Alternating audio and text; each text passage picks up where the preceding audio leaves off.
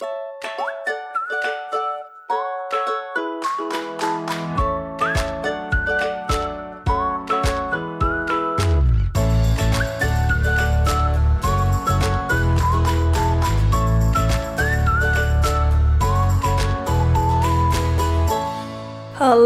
allemaal en welkom bij een nieuwe aflevering van de Wat ik wou dat ik wist podcast. De podcast waarin ik deel wat ik wel eerder had willen weten en verhalen vertel waar jij je als twintiger hopelijk in herkent.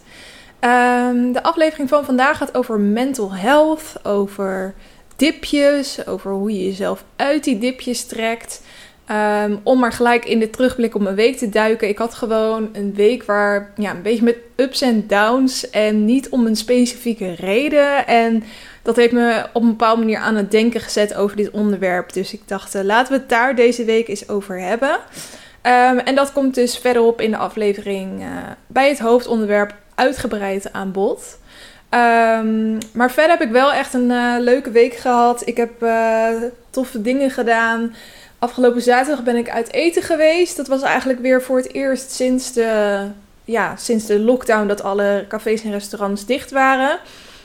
Dus dat was wel heel tof. Ik was met mijn vriend naar Thrill Grill geweest. Dat zit op het Girardouwplein in uh, de Pijp in Amsterdam. Je hebt meerdere locaties in Amsterdam. Ik weet niet of ze ook daar buiten zitten eigenlijk. Maar ik, ik ben daar wel eens eerder geweest en zij hebben mega lekkere burgers. En um, ik sta nog steeds aangemeld bij Gast is Koning. Dat is zo'n bedrijf dat um, ja, eigenlijk allemaal mensen aangesloten heeft die het leuk vinden om restaurants en cafés te testen. En die cafés en restaurants, die willen dus ook dat er mensen langskomen om hun service en eten te testen. En dan krijgen zij dan een heel formulier, uh, wat ik dan dus heb ingevuld over het restaurant. Nou, ik heb er wel eens eerder uitgebreid over verteld in, uh, in deze podcast. Maar, um, dus dat doe ik nog steeds elke maand. Dus ik had nu een uitnodiging gekregen om daar te gaan eten. En dat was echt mega lekker. Ze hebben echt fantastische burgers. Dat is echt niet normaal. Ik had er eentje met blauwe kaas. Um, dat heb ik niet vaak op een menukaart zien staan, maar die was echt top. En mijn vriend had er eentje met um, truffel en parmezaanse kaas. En die was ook echt super lekker.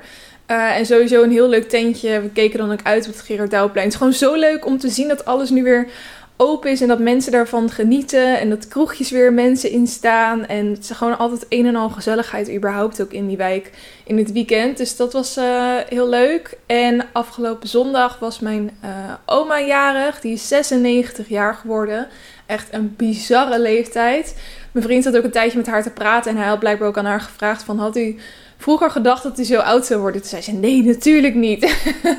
Wie verwacht nou dat ze 96 jaar worden? Dat is echt bizar. Zeker in haar staat, want ze kan gewoon nog goed lopen, praten, is super scherp, mee met de tijd. En uh, nou ja, echt props voor haar. Ik had um, een leuke foto in een lijstje gedaan um, van de familie, van onze vakantie naar Gran Canaria. Dus die kan ze dan leuk in huis neerzetten. En ik had een cake voor haar gebakken. Wat wel grappig is, mijn oma die heeft dus sinds een jaar uh, Compaan. Dat is een tablet die zij gewoon in de woonkamer heeft liggen, waarop zij um, berichtjes en foto's binnen kan krijgen. En ik heb dan dus, net als de rest van mijn familieleden, een app op mijn telefoon. En daar kan ik dus foto's inzetten met een tekstje erbij. En ik kan haar dus ook berichtjes sturen. En als zij mij dan een berichtje terugstuurt, dan krijg ik dat als een soort mailtje binnen. Maar soms krijg ik dus opeens een berichtje van mijn oma en dan zie ik een mail binnenkomen. Um, en de manier waarop zij dat inspreekt is dus ook met een microfoon. Dus er staan dan geen leestekens tussen. Het is gewoon één uh, lange tekst. En ik moest wel heel erg lachen, want ze had me dus gisteren ook een berichtje gestuurd over de cake. Um, ze had gestuurd: Goedemorgen Kelly, wij hebben net koffie gedronken met lekkere cake die jij gebakken hebt. Het was heel erg lekker, dus daar geniet ik nog een heel poosje van. Want het zijn wel twee halve cakes. Ik ben blij dat ze niet zo erg droog waren, maar ze smaakten voortreffelijk. Hartelijk bedankt en tot ziens. Groetjes, oma. dat is toch te cute. Ik vind dat echt heel schattig. En is ook precies hoe mijn oma is. Dat ze het dan helemaal gaat hebben over hoe droog ze zijn en zo. Nou ja, ik moest er wel om lachen. Um, dus dat was uh, een beetje mijn weekend. En uh, nou ja, nu zitten we alweer halverwege de week. Dus ik hoop dat jouw week uh, goed gaat tot nu toe. Dat je je zin hebt. Um, we gaan ook even terugkijken op afgelopen week. Als het aankomt op lekker loeren blokje. Wat hebben de celebrities allemaal uitgespookt? Wat is echt nieuws waarvan ik dacht, wat the fuck? En ik heb drie dingen voor je. Ten eerste wil ik het even hebben over Jeff Bezos, natuurlijk de man achter Amazon. En ehm, iets wat hij nu weer heeft uitgehaald. Het is afgelopen week uitgebreid in het nieuws gekomen. Um, hij gaat namelijk een, uh, een enorm jacht laten bouwen. Echt een plezierjacht. Wat miljoenen euro's gaat kosten. En uh, dat geld heeft hij natuurlijk door Amazon. Maar wat hij nou wil, er staat dus een brug in Rotterdam. En um, in principe is dat een, het heet De Hef. En het is een brug waarvan in 2017 is gezegd: we gaan daar niks aan aanpassen. Het is echt een soort heilig voor ons. Maar Jeff Bezos wilde langs met zijn jacht en hij paste niet onderdoor. Dus nu moet die brug uit elkaar gehaald worden, zodat hij er onderdoor kan. Nou, dat is toch wat. Ook 430 miljoen euro kost dat jacht. En hij heeft ook gewoon gezegd van ja, ik weet dat het heel veel geld kost om die brug ook uit elkaar te halen. Maar goed, dat heb ik gewoon. Uh, ik betaal alle kosten. Halen jullie hem maar gewoon uit elkaar. En dat getuigt natuurlijk wel van flinke grootheidswaanzin. Het jammer is alleen dat uh, het waarschijnlijk ook wel gewoon gaat gebeuren. Ik zag ook een tweet van Tim Hofman waarin hij zei van... ik had het gewoon heel mooi gevonden als Rotterdam een middelvinger had opgestoken. Dat had ik ook heel mooi gevonden, maar dat gebeurt dus niet. Waarschijnlijk gaat hij dus ook echt gedemonteerd worden zodat hij er langs kan.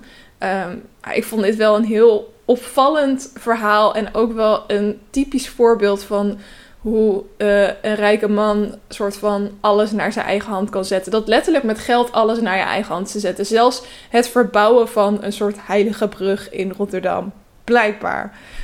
Um, dus dat is één ding.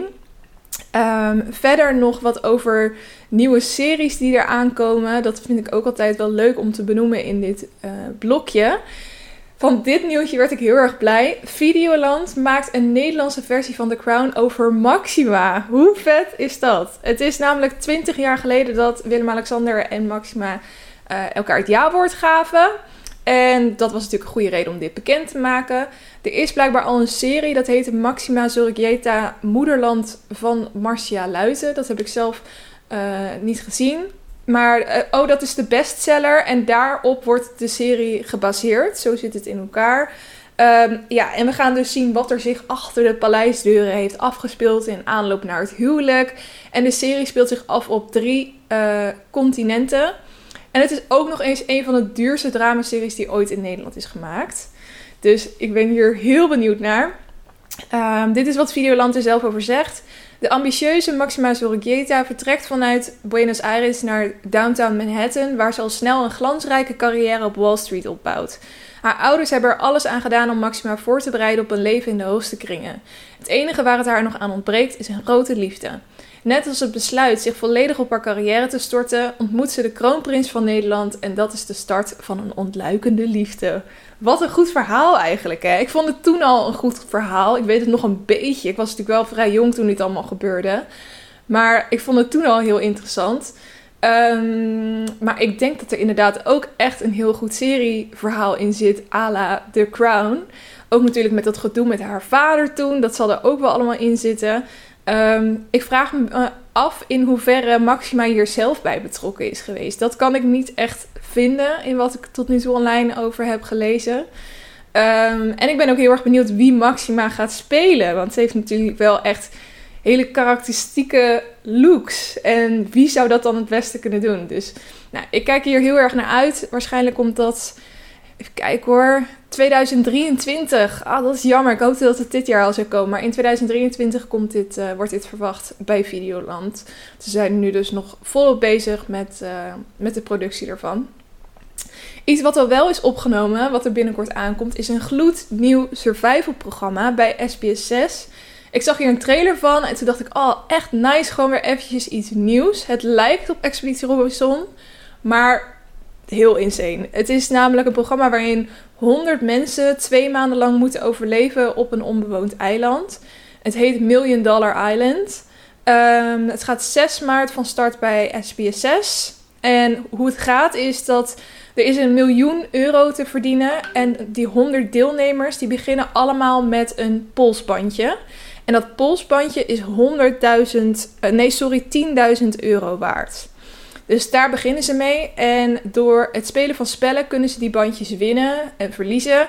En mensen die opgeven, die moeten hun bandje weer aan een achterblijver naar keuze geven. En uiteindelijk blijven natuurlijk nog een paar mensen over die het volhouden. En die hebben dan heel veel bandjes. En dan weet ik niet precies wat er verder gaat gebeuren. Daarvoor moeten we het, uh, moeten we het gaan zien. Maar het is eind vorig jaar al opgenomen op de Filipijnen. Um, er zijn dus ook al trailers online te vinden. Dat is wel heel leuk om, uh, om te kijken. Uh, het krijgt ook zo'n napraatshow. En even kijken hoor. Het wordt gepresenteerd door Giel de Winter van Stuk TV. Dus dat is ook wel tof. Oh nee, sorry. Dat is de napraatshow. Die wordt gepresenteerd door Giel de Winter op Prime Video. En door wie wordt dit ook weer gepresenteerd? Is ook wel een bekend gezicht. Oh ja, Dennis van der Geest, die uh, oud judoka. Ik heb hem volgens mij nog nooit iets zien presenteren, maar hij doet het volgens mij wel leuk. In ieder geval voor zover ik nu kon zien in de trailer. Dus um, ja, twee nieuwe programma's die eraan komen, waar ik in ieder geval heel erg naar uitkijk. Dus dat is het eventjes uh, voor nu voor het lekker loeren blokje gaan we door naar het Lekker Leven blokje, waarin ik allerlei tips geef om jouw leven leuker te maken. Ik begin even met een kijktip. Ik heb gisteren namelijk een docu op Netflix gekeken. Uh, heel veel over gehoord, ook de reden dat ik hem ging kijken. Het heet The Tinder Swindler. Um, wat dus betekent een oplichter op Tinder. En um, het gaat over een man die via Tinder um, ja, vrouwen eigenlijk om zijn uh, vinger heeft gewonden. En die vrouwen zijn helemaal verliefd op hem geworden. En op het moment dat ze verliefd zijn, dan gaat hij heel veel geld bij ze aftroggelen. En dat geld maakt zijn levensstijl mogelijk. Want hij um, is, uh, zit op jachten, is hij aan het varen. In de duurste auto's rijdt hij. Duurste kleding heeft hij aan. Duurste horloges heeft hij om. Uh, hij gaat op allemaal vakanties met allemaal meiden. Maar elke keer is het dus iemand anders van wie hij geld aftroggelt. En het, aangezien die vrouwen dat zelf naar hem overmaken, um, is het ook voor de politie en de FBI heel lastig om deze gast te pakken. En ook omdat het elke keer zulke korte fases zijn waarin hij weer van iemand anders een creditcard gebruikt. En die vrouwen er dus destijds dus ook toe, zo, hallo, toestemming voor hebben gegeven, omdat ze daadwerkelijk verliefd op hem waren. Nou, in de docu komen drie vrouwen aan het woord, waaronder één Nederlandse vrouw. Eileen heet zij. En zij is echt mijn nieuwe favoriete persoon. Wat een bazin is zij. Ik zal niet verklappen wat er precies is gebeurd, want daarvoor moet je echt de documentaire kijken. Maar ik ben helemaal fan van haar. Uh, ik was gewoon trots, om Nederlander te zijn toen ik haar in die docu zag praten over wat er allemaal is gebeurd. Um, maar goed, ja, er is nu. Uh, hij, het gekke is. Um, die vrouwen die hebben allemaal onderzocht met wie zij op date gingen. Het was, hij gebruikte elke keer een andere naam, maar hij heeft het allemaal zo goed in elkaar gezet dat niemand echt doorhad dat hij nep was. En ook nu heeft hij dus gewoon weer een Instagram profiel. Um, hij is al meerdere keren verbannen van Instagram. Zij moet elke keer weer een nieuw account aanmaken. Op Tinder. Tinder heeft ook een uh, persbericht naar buiten gebracht dat zij al zijn profielen um, verwijderen. Want hij is dus ook werkzaam geweest onder meerdere namen. Um, ik denk dat zij ook een soort scanner hebben van dat als een keer zijn foto ergens komt, dat ze hem dan gewoon deleten. Dat moet wel op een bepaalde manier mogelijk zijn, lijkt mij. Maar goed, op Instagram heeft hij nu dus weer net een nieuw account. Ik zat toevallig gisteren even te kijken, toen bestond het account drie uur. maar daar heeft hij dus ook nu stories op geplaatst met... Um, dat het allemaal fake was, dat het geacteerd was, dat hij zelf uh, opnames had voor Netflix. Um, wat zei hij nou nu meer? Oh, dat moest ik ook wel om. Hij zei van ja, er zijn meerdere accounts um, met mijn naam op Instagram. Trap er niet in, want dat zijn oplichters. Hoe komisch dat je als oplichter zijnde gaat waarschuwen voor oplichters. Ja, I don't know. Deze gast, het, hij heeft dus wel een paar een, maanden in de bak gezeten. Maar ze hadden gewoon niet genoeg bewijs om hem langere tijd vast te houden. En nu is hij dus ook gewoon weer bezig zoals hij altijd al bezig was. En hij weet blijkbaar nog steeds mensen op te lichten. Dus dat is dan wel weer een naar einde. Maar ja, ik denk dat het wel heel goed is dat deze documentaire zo viral gaat. Want zijn gezicht. Ik heb letterlijk over hem gedroomd vannacht trouwens. Ik droomde dat hij me wilde verwoorden en dat hij achter me aan zat. Nou, dat geeft al aan dat uh, ik zijn gezicht niet snel zal vergeten. En ik hoop dus ook dat iedereen die op Tinder zit eh, zijn hoofd leert kennen door deze documentaire en niet meer in zo'n val trapt. En dat je je ook bewust bent dat ehm, ook al is er iemand die jou helemaal verliefd maakt, op het moment dat iemand heel veel geld van jou gaat vragen, moet je toch altijd jezelf even afvragen: is dit slim om te doen? Ehm, maar goed, ik snap alsnog wel als je het verhaal van die vrouwen hoort. Uh, ja, dat, dat, je, dat je wel heel erg het idee. Nou, deze, weet je wat? Ga gewoon kijken. Daar, daar laat ik het bij. Oh, ik kreeg ook nog een trailer doorgestuurd van een Videoland documentaire volgens mij. Breastfeeding My Boyfriend. Ik heb het zelf nog niet gezien, maar je kan je er iets bij voorstellen, denk ik, waar dit over gaat. Uh, je ziet dus uh, in de trailer ook letterlijk beelden van vriendjes die uit de titel hebben van hun vriendin. Ik vind het echt heel apart. Maar ze willen een soort taboe doorbreken. Dus misschien moet ik het eerst bekijken en dan beoordelen. Maar het trok zeker mijn aandacht. Dus als het ook jouw aandacht trekt en je denkt: dit wil ik zien. Dit bestaat en het staat op Netflix. Uh, sorry, op Videoland. De Tinder Swindler staat dus op Netflix. Um, dan wil ik nog even een doetip geven. Want ik besefte opeens dat ik in de afgelopen aflevering eigenlijk helemaal niet had verteld dat ik de week daarvoor naar Snow World was geweest. Ik ga namelijk over twee weken uh, op uh, wintersport naar Winterberg. En daarvoor wilden we nog eventjes oefenen. Dus we zijn naar Snow World gegaan. En daar zo zijn we. Heb ik het wel verteld? Ik krijg een soort flashback. Maar het kan ook zijn dat ik het in een gesprek aan iemand heb verteld. In ieder geval, ik wilde nog even benadrukken hoe leuk het is om naar Snow World te gaan. Ik doe dat eigenlijk echt te weinig.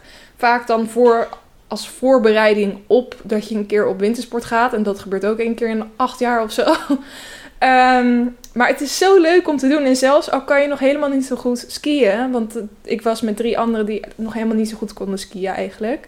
Um, eh, dan is het ook echt heel leuk om gewoon een beetje te gaan uitproberen. Want je hebt ook hele vlakke pistes en kleine stukjes waar je heel goed op kan oefenen. Ze hebben ook van die pionnen dat je er omheen kan zigzaggen. En zo een beetje kan oefenen. En het is echt bizar hoe snel je vooruit kan gaan in één middag kloten in Snowworld. En het is natuurlijk ook heel leuk als je niet financieel niet lukt of om andere redenen niet lukt om wintersport te gaan. Om toch gewoon een dagje in Snowworld mee te pakken. Uh, het was wel mega druk. Ik zou echt in de ochtend gaan als ik jou was. Want op een gegeven moment rond 2, 3 uur waren die pistes ook. Had je van die ijsvlaktes en zo. Dan is het eigenlijk niet meer heel leuk. Want dan moet je ook heel veel mensen ontwijken. En dan ga je sneller op je bek. Dus ga vooral in de ochtend. Maar um, het geeft gewoon wel weer echt die wintersport vibes. Café is nu ook open. Dus je kan daarna gewoon lekker um, een appeltaartje eten met een warme chocomel. Uh, ze hebben zelfs daar zo bij de Snow World in Zoetmeer was ik. Een Oh, een uh, fondue restaurant. Dat zit in Snow World. En dan kan je dus een kaas, vlees of vis fondue doen. En dat is natuurlijk ook heerlijk als je de hele dag uh, daar zo bezig bent geweest op die, nou, ik noem het maar even pistes, maar het zijn natuurlijk gewoon een soort aangemaakte bergen. um, om dan daarna met uh, het hele groep vrienden lekker daar zo te gaan fonduen met z'n allen. Dat vond ik ook nog wel een idee. Ik wist helemaal niet dat zij dat hadden. En dat geeft natuurlijk wel echt een wintersportgevoel met zich mee. Dus dat wilde ik nog even tippen.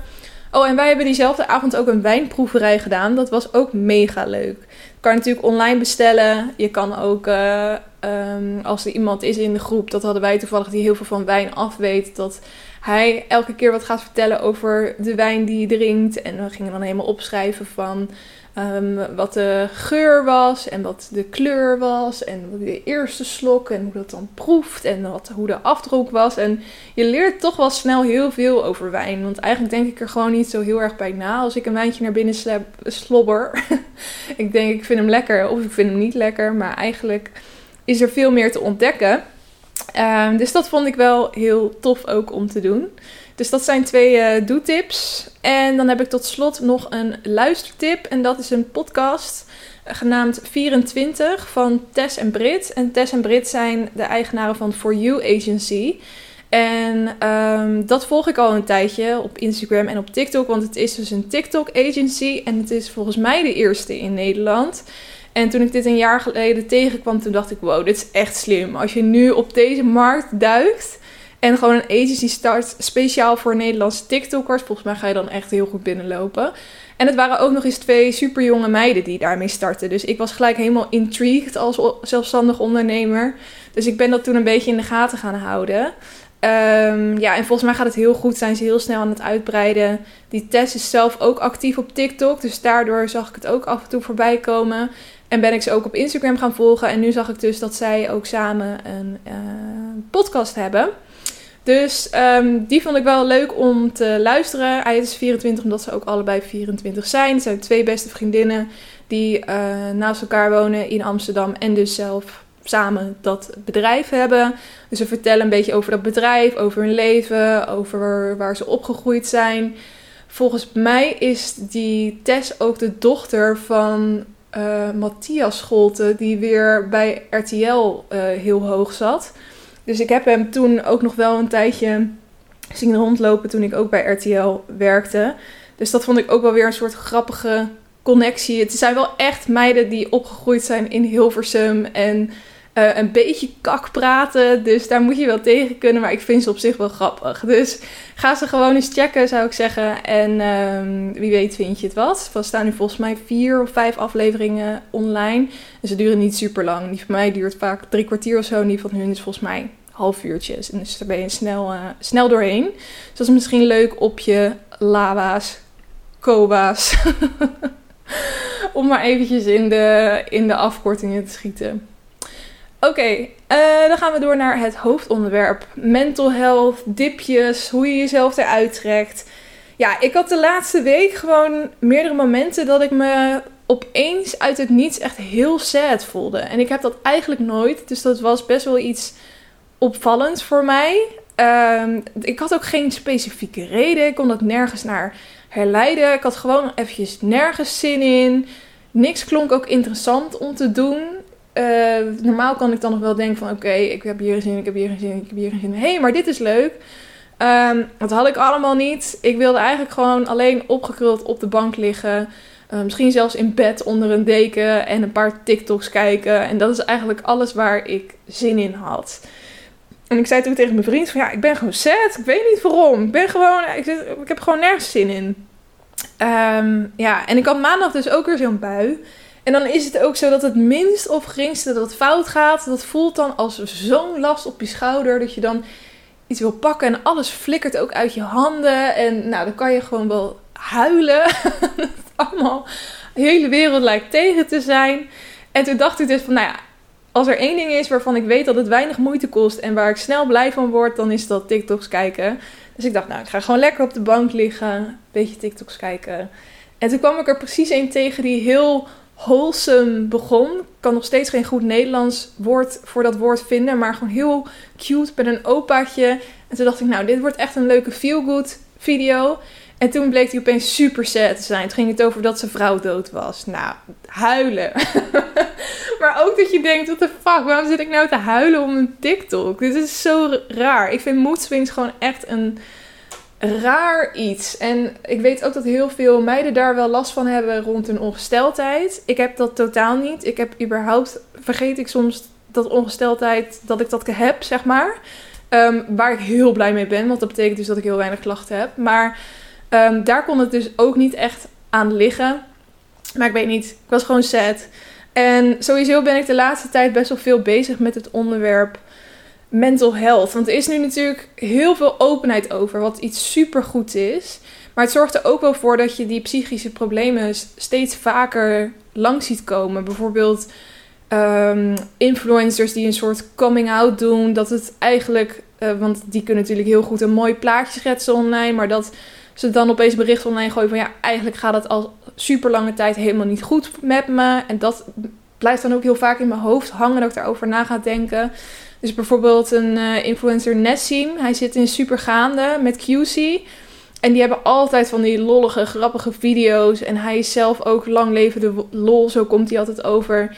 En nu had hij op zijn Instagram een bericht geplaatst waar ik... Ja, ik vond het ook best wel goed verwoord. Ik ga hem heel eventjes erbij pakken en voorlezen. Um, Ik ben opgegroeid met een mentaliteit van gewoon man zijn en doorgaan. Geen emoties tonen en doorknallen. Als man praat je niet over je emoties. Huilen? Ben je een poesie of zo? Ga toch niet lopen janken? Afgelopen jaar heb ik hier de prijs voor moeten betalen. Ik kwam in een depressie terecht waar je niet goed van wordt. Ik had enorme negatieve en ik vind het naar om te zeggen, maar zelfs suïcidale gedachten. En ik ben daar destijds gedeeltelijk uitgekomen door heel veel met een psycholoog te gaan praten en te werken aan mijn mentale gezondheid. Gelukkig heb ik een geweldige vrouw die mij hier ook in heeft gesteund. De afgelopen tijd zit ik weer niet lekker in mijn vel en heb ik echt moeite met telkens maar mijn masker opzetten om voor jullie de hele tijd blij te doen. Dat is ook een beetje het probleem van social media. Iedereen ziet je alleen maar lachen en leuk doen en oh wat is ons leven toch zo tering geweldig. Ik heb moeite met sociale contacten onderhouden vanwege mijn shit in mijn kop. En soms is het moeilijk om uit te leggen, ja, wat is dat dan precies? Wat voel je? Hoe voel je? Soms zijn het gewoon de demons in je hoofd waarmee je in strijd bent. Ik geloof gewoon niet dat ik de enige ben en daarom wou ik dit even delen. Ik hoop voor mij en vele anderen dat we deze periodes ook weer zullen overwinnen. En ik wil nog even zeggen dat het oké is om te praten over je gevoelens. Het is oké om je emoties soms los te laten, ook als man. Ik had en heb soms nog steeds enorme moeite met echt praten over hoe ik me voel. Vraag maar aan mijn vrouw. Maar ik doe echt mijn best om te praten zodat het van mijn chest is en ik op zoek kan naar oplossingen. Nou goed, genoeg gejank voor vandaag. Moest even deze shit kwijt. Love. Nou ja, zeker van hem vind ik het, ja, dat vind ik dan nog een soort van heftiger aankomen. En heel vet en props dat hij hier zo open over praat. En dit is eigenlijk een van de vele voorbeelden van ja, een soort coming out van het gaat helemaal niet goed met me. Ik zit in een depressie of een burn-out. Dat hoor je natuurlijk ook heel veel. Ik weet nog heel goed toen Vera Camilla, geen idee of jullie haar kennen, maar ook een YouTuber die vroeger allemaal beauty video's maakte. Toen zij een uh, burn-out had en daar ook video's over maakte op YouTube, ik ook helemaal een soort van gechoqueerd was. En ook moest uitzoeken wat het was en hoe dat dan zat. En hoe dat dan werkt. En het, het, hoeft natuurlijk niet altijd te komen dat je jezelf kapot werkt, maar het ligt aan de druk die je zelf oplegt. Nou, ik heb er heel veel over geleerd over dit soort onderwerpen, maar feit is wel dat je het gewoon steeds vaker voorbij ziet komen. Ook in films en in series. Ik kijk nu bijvoorbeeld uh, Euphoria. En daar heb ik het vorige week al over gehad en uh, deze serie getipt. Maar in die serie gaat het ook heel veel over depressies, psychische problemen, drugsproblemen. En bij elke aflevering word je gewoon in die wereld gezogen. Het is echt filmisch super bijzonder geschoten. Maar het is ook zo goed gedaan. Dat je een soort van. Het voelt een beetje alsof je een uur lang in het hoofd zit van iemand met een depressie. En door die ogen soort van de wereld bekijkt. Of, of vanuit iemand die op dat moment drugs aan het gebruiken is. Of die heel slecht in het vel zit. Of uh, er zitten ook gewoon heel veel personages in die op verschillende manieren moeten dealen met hun mentale demons, om het zo maar even te zeggen. Um, en ik kan soms, als ik zo'n aflevering heb gekeken, me echt een beetje een soort van verdoofd voelen. Uh, ik kan het ook niet zo goed uitleggen wat voor gevoel dat dan is, maar ja, dan, dan ga ik daar toch over nadenken over, over hoe het is om zoiets te hebben. En ook het feit dat in een depressie belanden kan echt letterlijk iedereen overkomen. Ik ken zoveel mensen in mijn omgeving die mentale issues hebben of hebben gehad, van wie je misschien aan de buitenkant echt niet zou verwachten. En dat vind ik ook wel een enge gedachte, want dat betekent ook dat het mij gewoon kan overkomen in principe. En um, ik ben al zo iemand die helemaal soort van obsessief met dit onderwerp kan worden. Dus ik ging ook een YouTube-video opzoeken over wat het nou precies is. Nou ja, meeste weet je natuurlijk wel. Somber zijn, moe, onrustig, nergens zin in hebben, veel te veel slapen of te weinig slapen. En als je het interessant vindt, de video heet What is Depression op YouTube. En uh, hij is, komt uit 2015, maar hij is dus al bijna 20 miljoen keer bekeken. Wat ook wel wat zegt.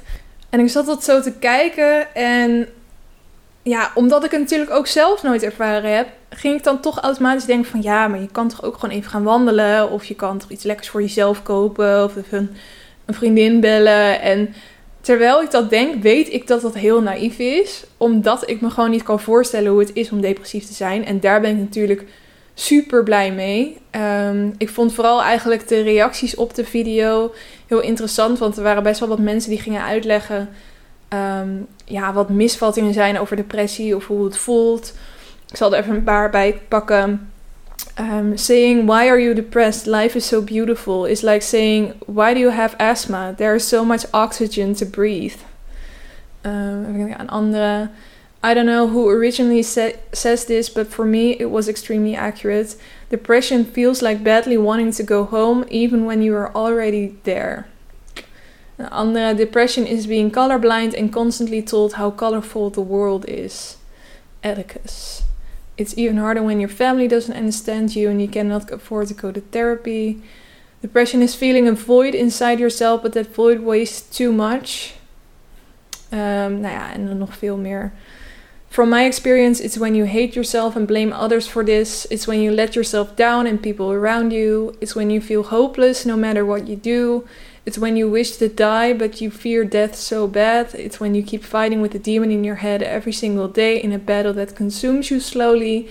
It's when nothing motivates you anymore, even even if you are desperately searching something to live for. It's when you want to take shelter and hide forever from everybody not to be seen. It's when you have to play like actors do, wearing a mask to pretend you're fine. It hurts. Oké, okay, ja. Ik vind het altijd heel heftig om te lezen allemaal. Maar het, het, het geeft wel een goed beeld van hoe een depressie is. En ik kan dat dan allemaal lezen. En dan denk ik ook weer van... misschien moet ik er ook gewoon niet te veel over nadenken. Want straks jinx je jezelf nog. Want hè, het is wel gebleken dat je... Dus, nou ja, je kan niet zomaar een depressie krijgen. Er gaat natuurlijk wel wat aan vooraf. Maar iedereen zou het in principe kunnen krijgen. Het is niet dat het iets genetisch is vastgelegd. Er kunnen natuurlijk aanleidingen voor zijn genetisch. Maar het is gewoon wel gebleken als ik kijk in mijn omgeving um, dat het iedereen kan overkomen. En bij mij zijn het gelukkig alleen mood swings. En het feit dat ik er afgelopen week een paar had, is blijkbaar voor mij ook zo opvallend dat ik er een hele podcastaflevering over maak. Oftewel, het gaat heel goed met mij.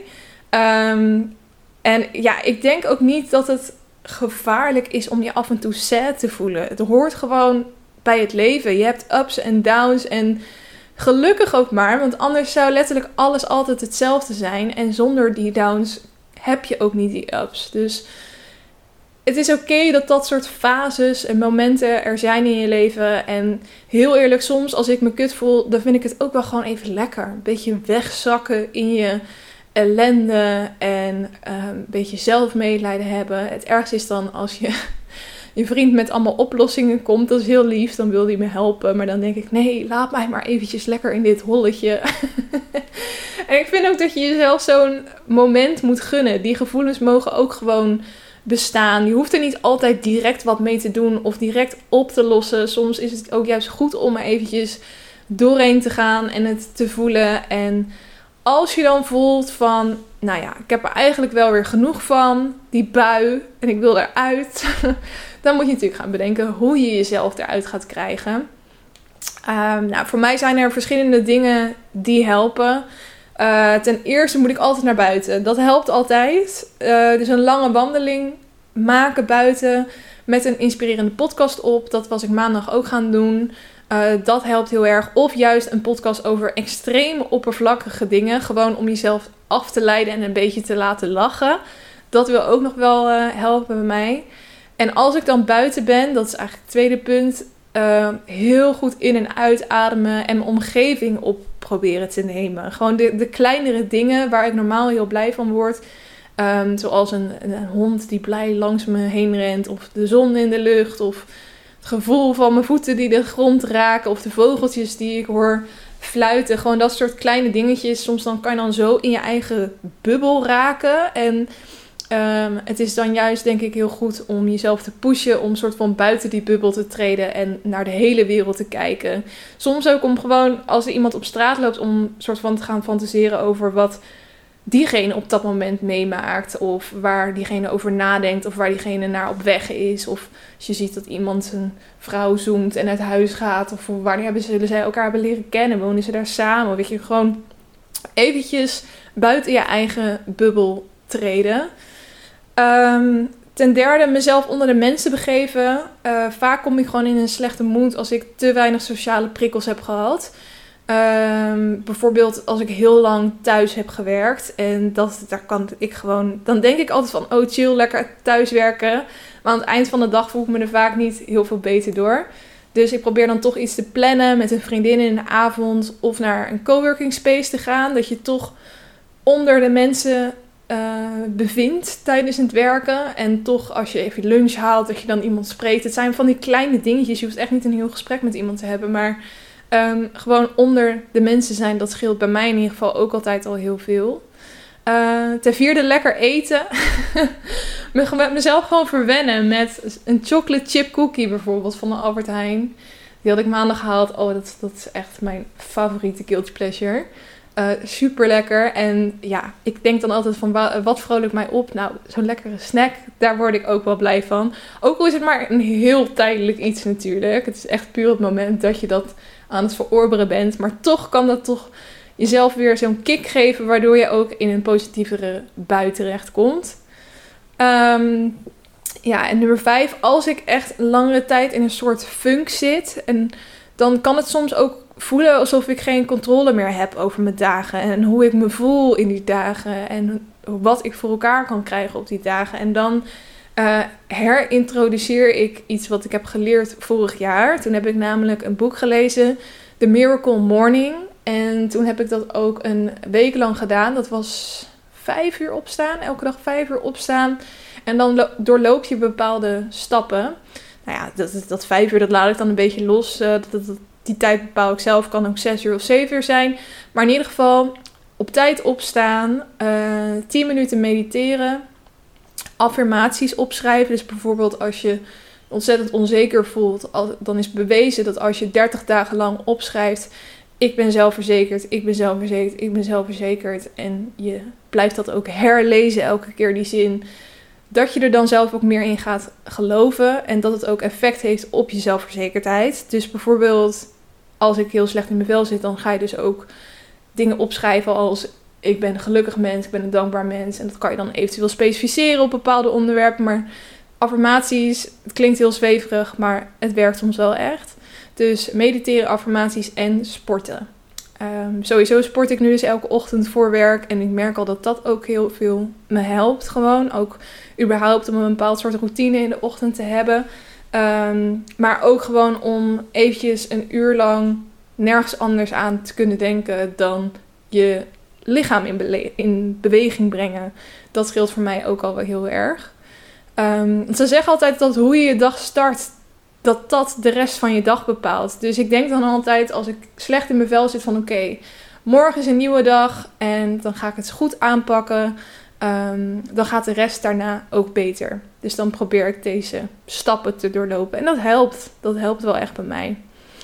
Als dat ook niet werkt, dan is het toch wel belangrijk om eens te kijken of er een dieper probleem is. Dat kan natuurlijk ook al stap 1 zijn, maar vaak probeer ik het eh, eerst op andere manieren op te lossen. En dan, ik nog steeds ben, dan denk ik: oké, misschien moet ik iets veranderen in mijn leven.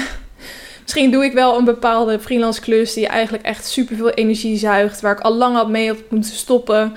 Um, misschien heb ik een hele lange to-do-lijst die er eigenlijk gewoon voor zorgt dat ik dan maar niks doe. Dat heb ik ook nog wel eens. Um, dan kan je misschien kijken wat je kan skippen of een betere planning voor de week maken. Kijken op wat voor momenten je dingen op een fijne manier kan inplannen voor jezelf. Of misschien voel ik spanning in bepaalde aspecten van mijn leven die je eigenlijk met een heel simpel gesprek kan oplossen. Soms zijn het gewoon van die dingen waar je tegenaan hikt zonder dat je het zelf doorhebt. En je moet soms even graven, maar vaak is er wel een reden en ook een oplossing voor je probleem. En tot slot, ja, gewoon beseffen dat het gewoon een moedswing is. Of het is gewoon eventjes een slechte dag. En natuurlijk, als je voelt dat er een dieper probleem zit, je hebt langere tijd last van depressieve gedachten, ga dan alsjeblieft hulp zoeken. Ga naar een psycholoog, ga met mensen praten. Laat mensen weten dat je slecht in je vel zit. Ehm, maar als jij gewoon net zoals ik af en toe wel eens een slechte dag hebt of een moedswing, probeer dan ook te beseffen dat het alleen maar dat is. Er komen weer goede dagen aan. Je gaat weer extatische momenten hebben. Die ups komen er ook weer aan. Je gaat nog fantastische dingen meemaken. Deze moed is niet voor altijd. Life goes on. Het is gewoon eventjes een hobbeltje in je weg en, uh, en weer door. Ja, that's life, people, that's life. um, dus ja, dat is eigenlijk wat ik kwijt wilde over dit onderwerp. Um, denk ook wel goed om eens over te hebben. Ik heb natuurlijk wel vaker mensen aan het woord over uh, psychische problemen. Maar ik heb ze zelf gelukkig niet. Maar dat betekent niet dat ik geen slechte dagen heb. Die heeft iedereen denk ik wel eens. Of slechtere momenten. Ehm, en daar is het ook goed om over te hebben uh, met elkaar. En misschien tips te geven, tips uit te wisselen aan elkaar. Van hoe je dat, ja, wat jij doet en hoe je jezelf eruit trekt. En uh, ik hoop dat je in ieder geval iets aan mijn verhaal hebt gehad. Dus bedankt voor het luisteren. Uh, vergeet deze podcast niet te beoordelen. Dat kan nu op Spotify door middel van sterren. Hoe hoger beoordelingen, hoe eerder mijn podcast weer door andere mensen gevonden kan worden. Dus daar help je me heel erg mee. Je kan me volgen op Instagram. Uh, wat ik wou dat ik wist, podcast heet ik daar. En ja, verder zie ik je gewoon volgende week weer. Dus tot dan. Thanks voor het luisteren. Doei doei.